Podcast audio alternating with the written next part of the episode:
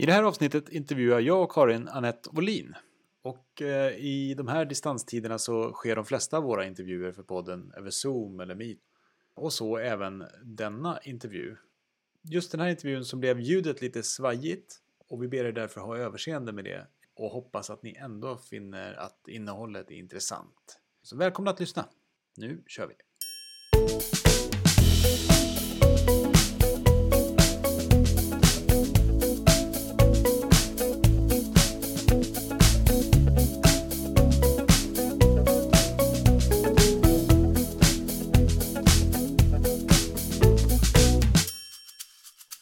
Och välkommen till Skolprat, en podd om skola, undervisning och lärande. Vi heter Petter Enlund. och Karin Rådberg och vi är lärare och arbetar som projekt och utvecklingsledare. Idag så träffar vi docent Annette Olin, universitetslektor och viceprefekt vid Göteborgs universitet.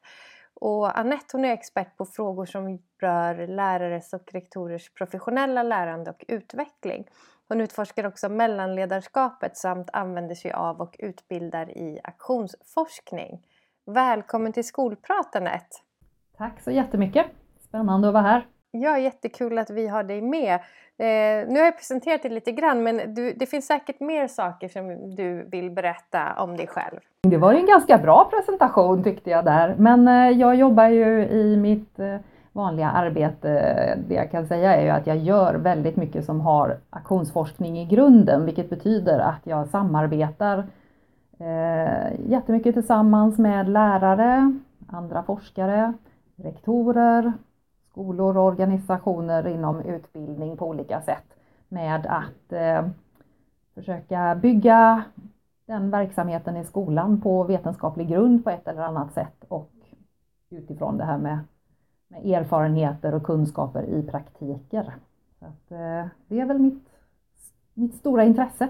Spännande. Hur, kom du, hur började ditt, eh, din forskargärning? Vart, hur kom du in på det här spåret? Eh, ja, det börjar med att jag, jag, är- jag är mellanstadielärare i botten. Eh, och eh, hade alltid och har alltid haft en, eh, en eh, lust att eh, ändra och läsa. Alltså göra nya saker och fundera på varför är det som det är. Så att i mitt, eh, samtidigt som jag jobbade som lärare så läste jag själv vidare på universitetet också och kände att jag behöver båda delar. Och det där det slutar liksom i en forskarutbildning om man håller på så. Eh, och då fick jag ju chansen att välja fråga och då valde jag frågan Varför funkar skolutveckling som den funkar? Vad är det som gör att lärare väljer att göra just det här som vi gjorde då och inte något annat? Och då landade jag liksom i att intressera mig för hur man i en skolvärld förstår både varandra, styrdokumenten, sin pedagogiska, didaktiska situation, allt möjligt och kokar ner det till att vi gör just så här. Och det är väl i princip det jag har hållit på med sedan dess. Fast tillsammans med andra också då. Men min avhandling blev ju ett sätt att försöka förstå sig på det på den skolan där jag själv befann mig och i den situationen jag själv befann Vad mig. hette din avhandling?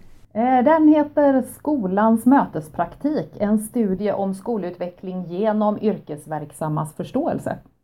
Intressant. Så att det var ju precis just det där, alltså den, den handlar ju om alla möten vi hade på skolan eh, i olika grupperingar, eh, arbetslagen men också en skolutvecklingsgrupp. Eh, och själv var jag då utvecklingsledare och satt i olika grupperingar där. Och hur vi då tolkade och kom fram till vad vi skulle göra på skolan ihop. Mm. Jag, jag, hörde dig berätta om det, det där arbetet eh, när du introducerade eh, oss på IFOS på det programmet som handlar om aktionsforskning. Då pratade du jättemycket om att du, du gick och eh, skrev eh, loggbok.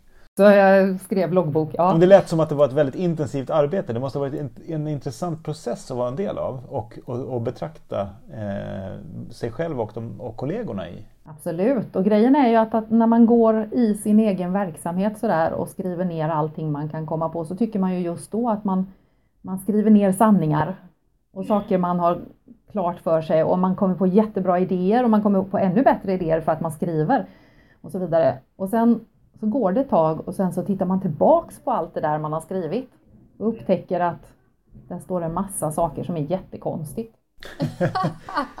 ja, vad intressant. Ja, och saker när man väl börjar analysera så man liksom förstår att hmm, men vänta nu, min kollega här tänkte ju faktiskt inte alls som jag, inser jag nu.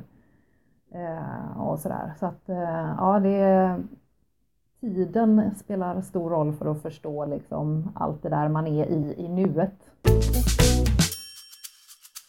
Men vi byter lite fokus och pratar lite om lärarprofessionen tänkte jag nu. Det är ju ett begrepp som används flitigt. Eh, vad tänker du att begreppet står för? Och vad lägger du i det begreppet? Alltså det där är ju det är ett intressant begrepp. Eh, och ja, man kan ju titta på att det finns, alltså i forskning, teoretiskt så kan man säga liksom att det finns två huvudspår. Ett som pratar om professionen ur ett sociologiskt perspektiv. Vad är det som professionen skaffar sig för fördelar och hur bevakar professionen sin egen profession? Eh, och sådär. Och den typen av forskning finns ju. Vad har de för makt och hur utövar de sitt arbete på det sättet? Sen finns det en annan då som är mer på funktion.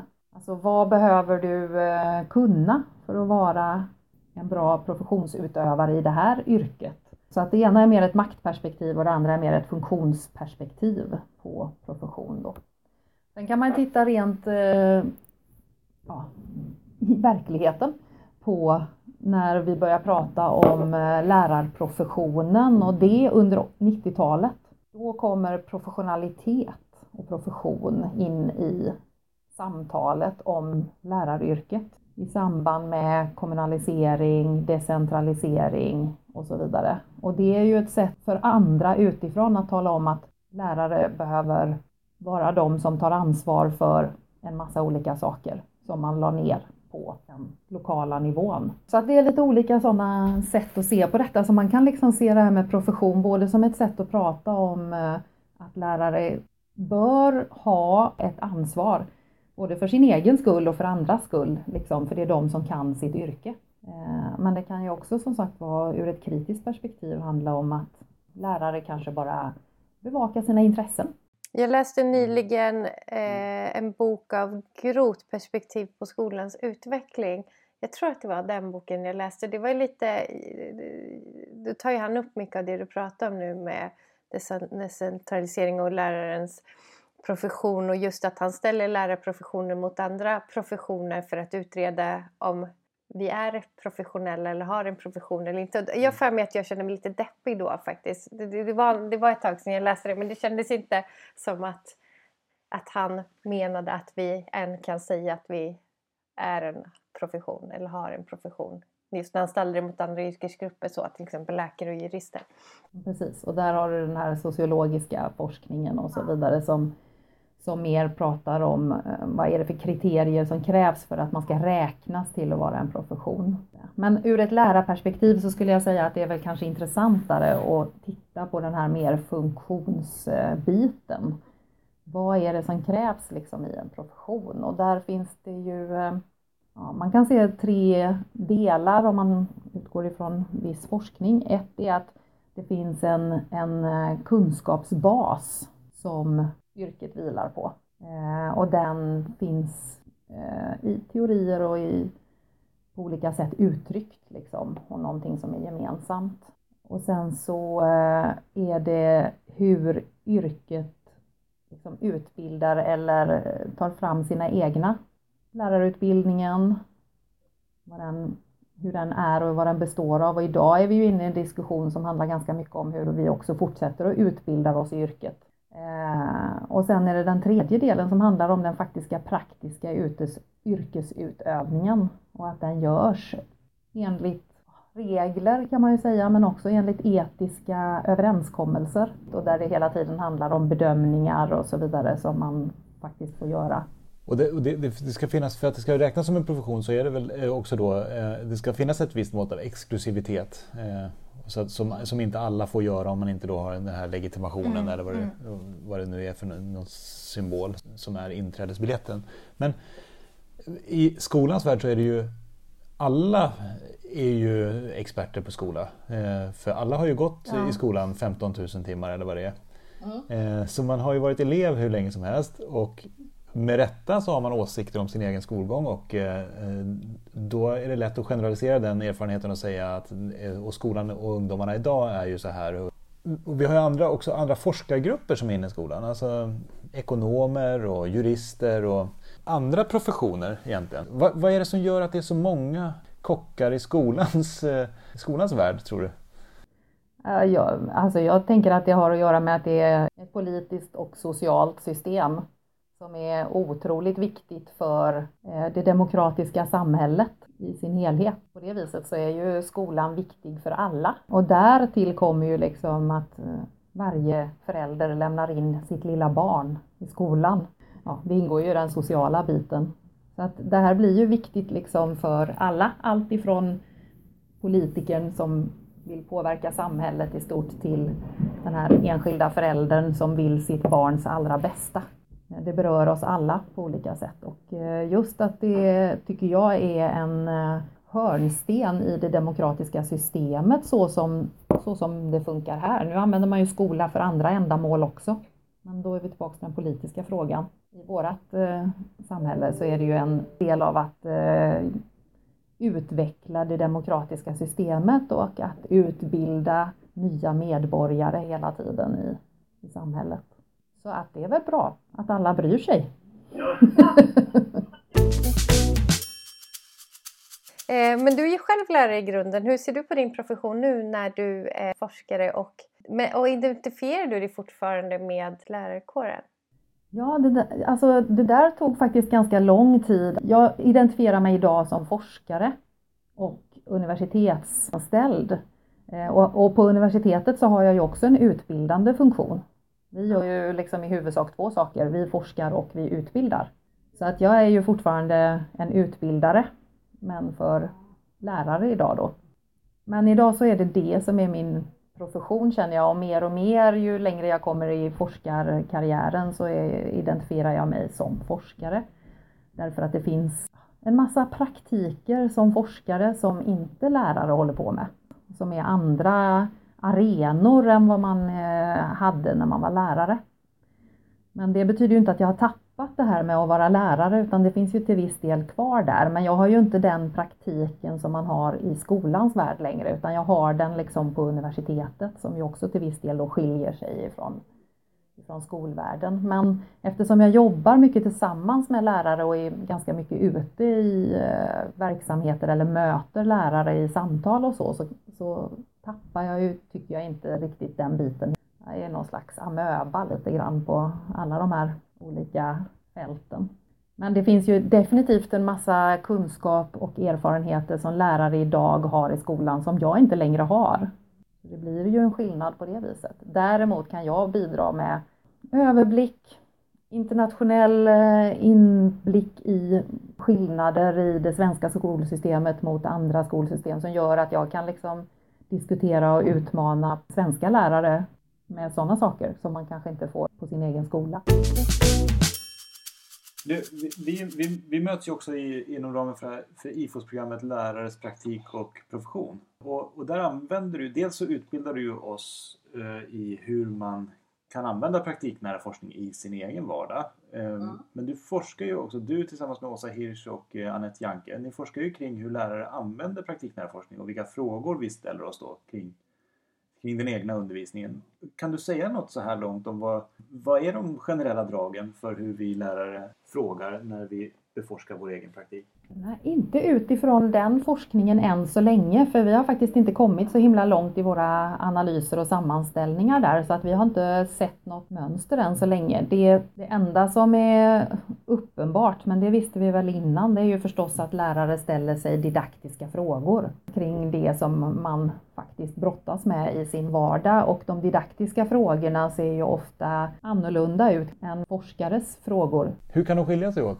Ja, men en didaktisk fråga ifrån en lärare den inbegriper ju beskrivningar av hur det faktiskt tar sig uttryck i eh, klassrummet. Vad som blir det konkreta problemet liksom när man gör på ett eller annat sätt. Medan som en forskare ställer frågor så det blir på en mer abstrakt nivå. Men, visst, det här hänger ihop med den här boken Didaktisk utvecklingsdialog, eller hur? Ja, precis.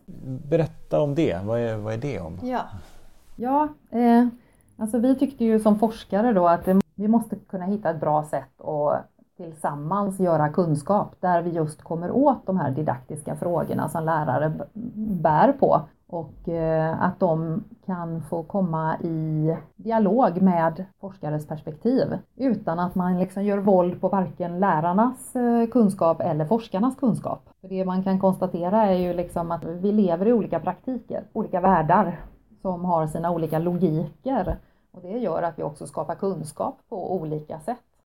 Och så säger man då att lärare och forskare ska liksom samarbeta för att vi ska skapa bättre kunskap och så vidare. Men om det alltid sker på bekostnad av lärarnas faktiska sätt att uttrycka sig, för att de ska lära sig att bli som forskare, eller tvärtom, då blir det liksom inget rejält eh, möte där.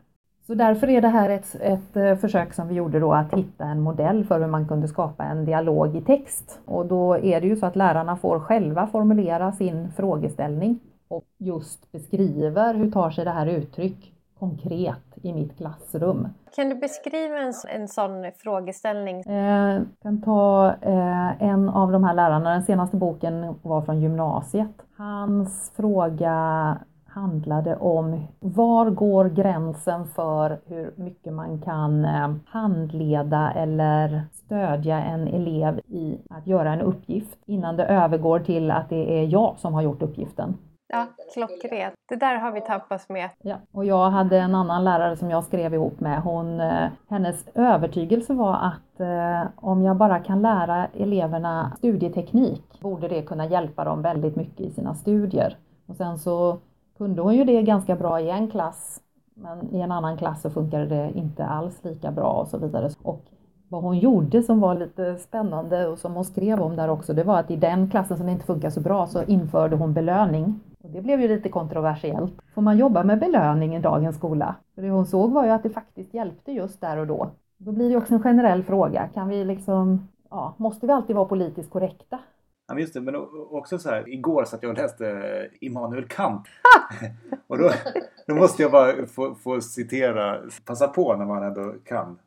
Och jag tänkte på, då sa han så här, varje handlingsmotiv ska kunna upplyftas till generell princip.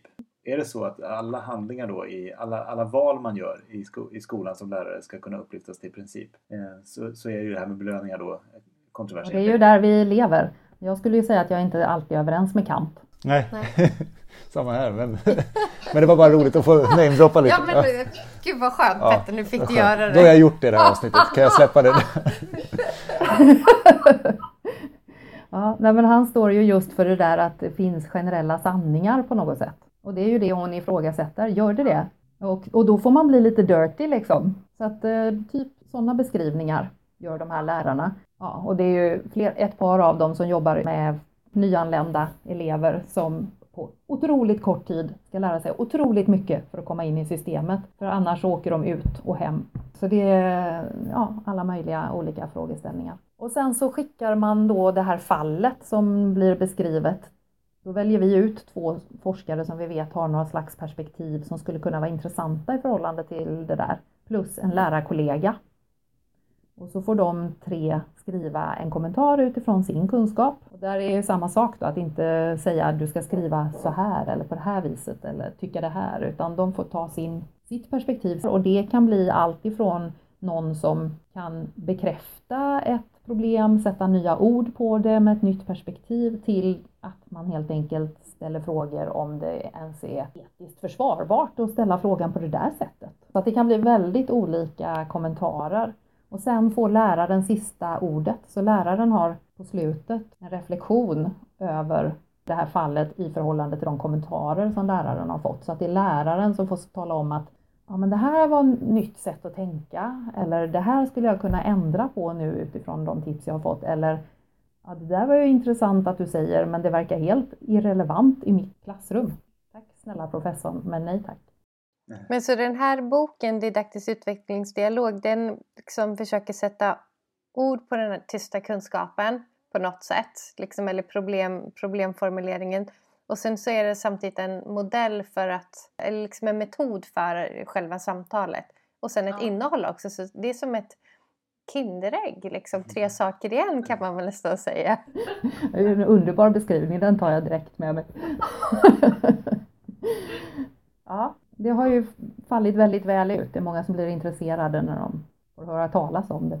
Jätteintressant. Ja. Jag, jag i alla fall har inte hunnit läsa boken men jag ska eh, direkt hugga tag i den. Det som är intressant som jag tänker på som gör skillnad det är ju just det här i samtal, dialog på det här sättet, muntligt, det är ju att det är direkt. Men det som gör skillnaden när man skriver det är tidsaspekten igen.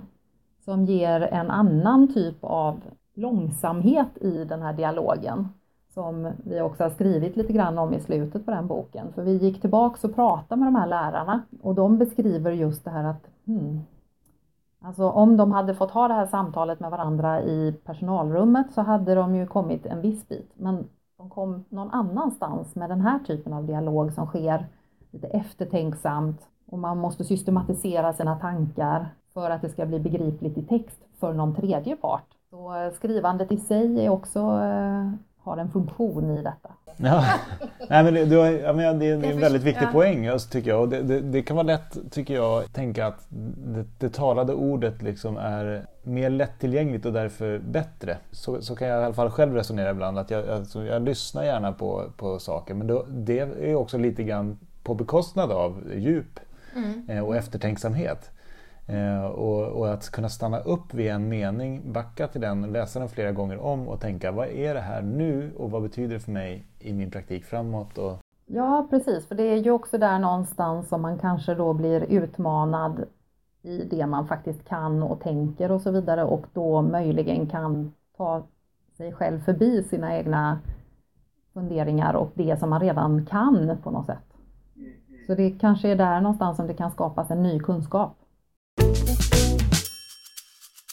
Du, du håller också på med det som du kallar för mellanledarskap. Just det. För mellanchef har man hört talas om, men det här med mellanledarskap, det, för mig är det i alla fall ett mindre välkänt begrepp. Vad, vad, vad handlar det om? Ja, alltså det började ju med egentligen att jag var utvecklingsledare själv när jag skrev den där avhandlingen och blev intresserad av det här utvecklingsledarskapet då. Eh, och det är ju ett särskilt ledarskap. Det handlar ju att som eh, lärare mitt i organisationen just intressera sig för de frågorna, hur man får sin verksamhet att eh, ta fortsatta steg. Sen blev det ju så när jag då höll på med min avhandling att det slutade ju med att jag fick ifrågasätta hela utvecklingsbegreppsapparaten. Varför ska vi hålla på och utveckla? Varför tycker vi att det är så bra? Eh, och det ligger ju någonting i hela vår eh, västvärldskultur. Att vi tror att imorgon är alltid bättre än igår. Som om det vore en självklarhet. Liksom. Men det kan ju ligga lika mycket värde i att faktiskt stanna upp och låta någonting vara kvar som att förändra. Men eh, genom det här att jag hade den funktionen som utvecklingsledare så blev jag indragen i ledarskapsforskning. För det kan jag ju säga att det är, det är, ett, ganska, det är ett område som har varit lite... Som lärare vill man ju inte hålla på med ledarskap. Det var inte riktigt eh, okej okay, liksom. Eh, men jag har ju fastnat för den funktionen där man faktiskt befinner sig någonstans i mellanlandet mellan skolledning, sina kollegor och så är det ju där jag har då börjat intressera mig för det som är mitt intresseområde, nämligen lärarnas eh, lärande eller utveckling, deras professionella utveckling. Därför att jag ser, det är ju lärarna som är nyckeln till verksamheten i skolan. Och då efter att jag hade skrivit min avhandling, för det där var jag jobbade ju med det här i slutet på 90-talet. Sen exploderade ju en massa saker här så småningom med förstelärare, lärledare, alla lyften med handledare. Så att idag har vi ju, det är en galen flora av olika typer av mellanledare i skolans organisation idag. Så vad menar du är mellanledarens viktigaste funktion då på skolorna? Det beror på. Man kan ju se det där i, eh, som min kollega Ulf Blossing pratar om, eh, mikro och makroprocesser. Och pratar man i mikroprocesser så handlar det ju om att vara väldigt duktig på att till exempel kunna handleda sina kollegor styra ett kollegialt samtal, ha en struktur för hur det ska se ut, kunna ställa bra frågor, lyssna och så vidare. Den typen av kompetenser eh, som gör att man kan få ett lärarlag omkring sig att eh, tillsammans ta sig förbi och bli klokare kring de där didaktiska frågorna som man handskas med. Kanske inspirera till läsning av saker som kan utmana eller vad det nu kan vara för någonting. Att man har en uppsättning av kompetenser på det området.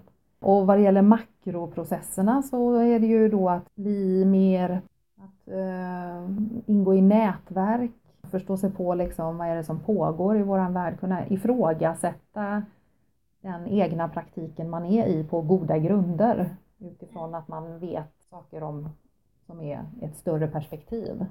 Och där kan det också handla om att bli mer kunnig på organisationens skola.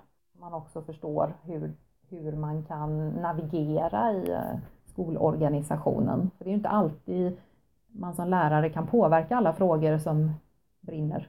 Och då kan man behöva ha kunskap i vart lägger man den här frågan? Hur går man vidare liksom? Vilken dörr knackar jag på? Så att man är lite mer av en strateg och man kan också se vad är det för något som pågår politiskt? Vad är det nu som kommer för SOUer här? Vad är, vart är skolan på väg liksom? Vad skulle kunna vara ett, ett vettigt område att ta tag i? Mm. Tolkar jag det rätt om det finns, det finns ett ganska stort spann av mellanledare från, från ett väldigt lokalt plan där man, där man då jobbar som kanske förstelärare och leder en liten grupp eller ett, arbe, ett arbetslag ja. eller ett ämneslag eller så till övergripande utvecklingsledarroller eller mellanledarroller. Precis. Och de kan ju finnas på både på skolnivå men också idag på förvaltningsnivå eller koncernnivå. Men du, du ingår ju i Kunskapsskolans vetenskapliga råd. Ja, och Ett råd som eh, vi har satt ihop med syftet att bidra till utvecklingen av en skola på vetenskaplig grund. Men hur kom det sig att du valde att tacka ja till att delta? Det är precis utifrån de här sakerna som jag har pratat om här. Alltså det ligger ju helt i linje med mitt eget kunskapsintresse och det här var en ny idé. Jag älskar ju nya idéer. eh, nej men jag tycker det låter väldigt eh, spännande med eh, att få vara med eh, med den kunskapen jag har och kunna bidra med den och så eventuellt att ni kan liksom använda det på något sätt. Och jag tyckte den här tanken ni har om att ja, men vi vi pratar om det vi kan liksom och grottar i frågor och så vidare. Men, och sen är det ni som tar hand om det i er verksamhet. Det blir igen lite som det här med didaktisk utvecklingsdialog, att man håller sig på den arenan man är bra på.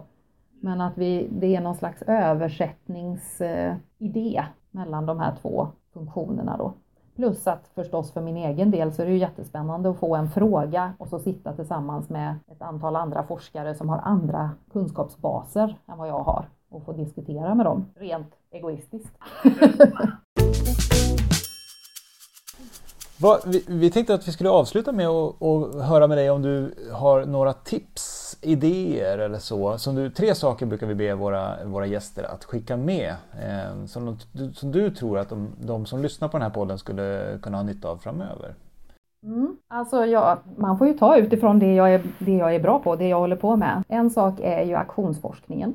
Att eh, intressera sig för den och där finns det ju litteratur. Jag jobbar ju utifrån eh, hur vi har arbetat här och då är det ju Karin Rönneman som har skrivit loads av litteratur. Men vi har ju en aktionsforskning i teori och praktik som man kan läsa om man vill få en liten ingång till vad det är för någonting. Det jag tycker är grejen med aktionsforskning är att den är bred. Eh, så den ger många olika möjligheter. Det tycker jag är väldigt spännande med IFOS-projektet där det utvecklar sig på olika sätt lokalt. Och det finns en öppenhet för det där. Men det handlar om att stärka lärare och pedagogernas egna röster. Eh, så det är ju någonting som jag tänker är, det tror jag på som ett bra arbetsverktyg i skolan. Och sen det andra tipset, det var egentligen didaktisk utvecklingsdialog förstås.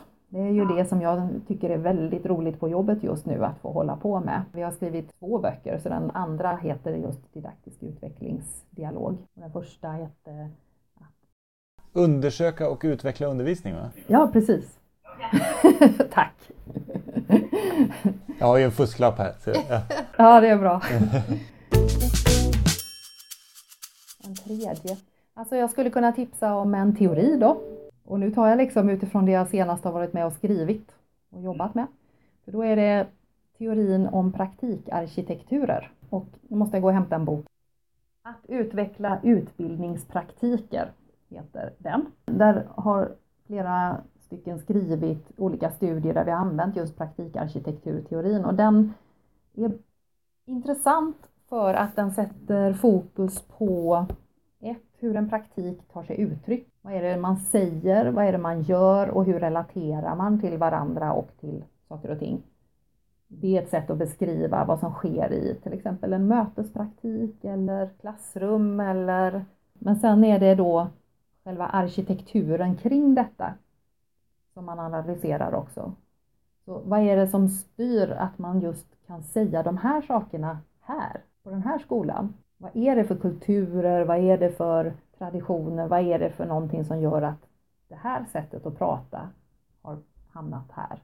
Ja, och eh, att man gör på det här sättet, på vilket sätt spelar mötesstrukturer, hur man har organiserat rummen, tiden som finns och så vidare roll för att det blir precis så här. Och så samma med maktrelationer men också solidaritet mellan olika grupperingar och så vidare som gör att man relaterar till varandra på olika sätt. Och så, där. Det är en teori som också många lärare faktiskt har fastnat för och tycker är väldigt användbar. Jag tänker att vi lägger länkar till, till dina tips till böckerna du tipsar om i avsnittet sen så mm. att det är lätt att hitta till dem för våra lyssnare mm. som blir ännu mer nyfikna och vill lära sig mer om mm. det här. Men jättestort tack Anette för att du var med idag och pratade om de här viktiga, viktiga sakerna som mm. vi kan ta med oss in i skolan. Ja, tack för att jag fick vara med. Vi hörs och ses. Ha det bra! Hej hej! Ja. hej. hej. hej.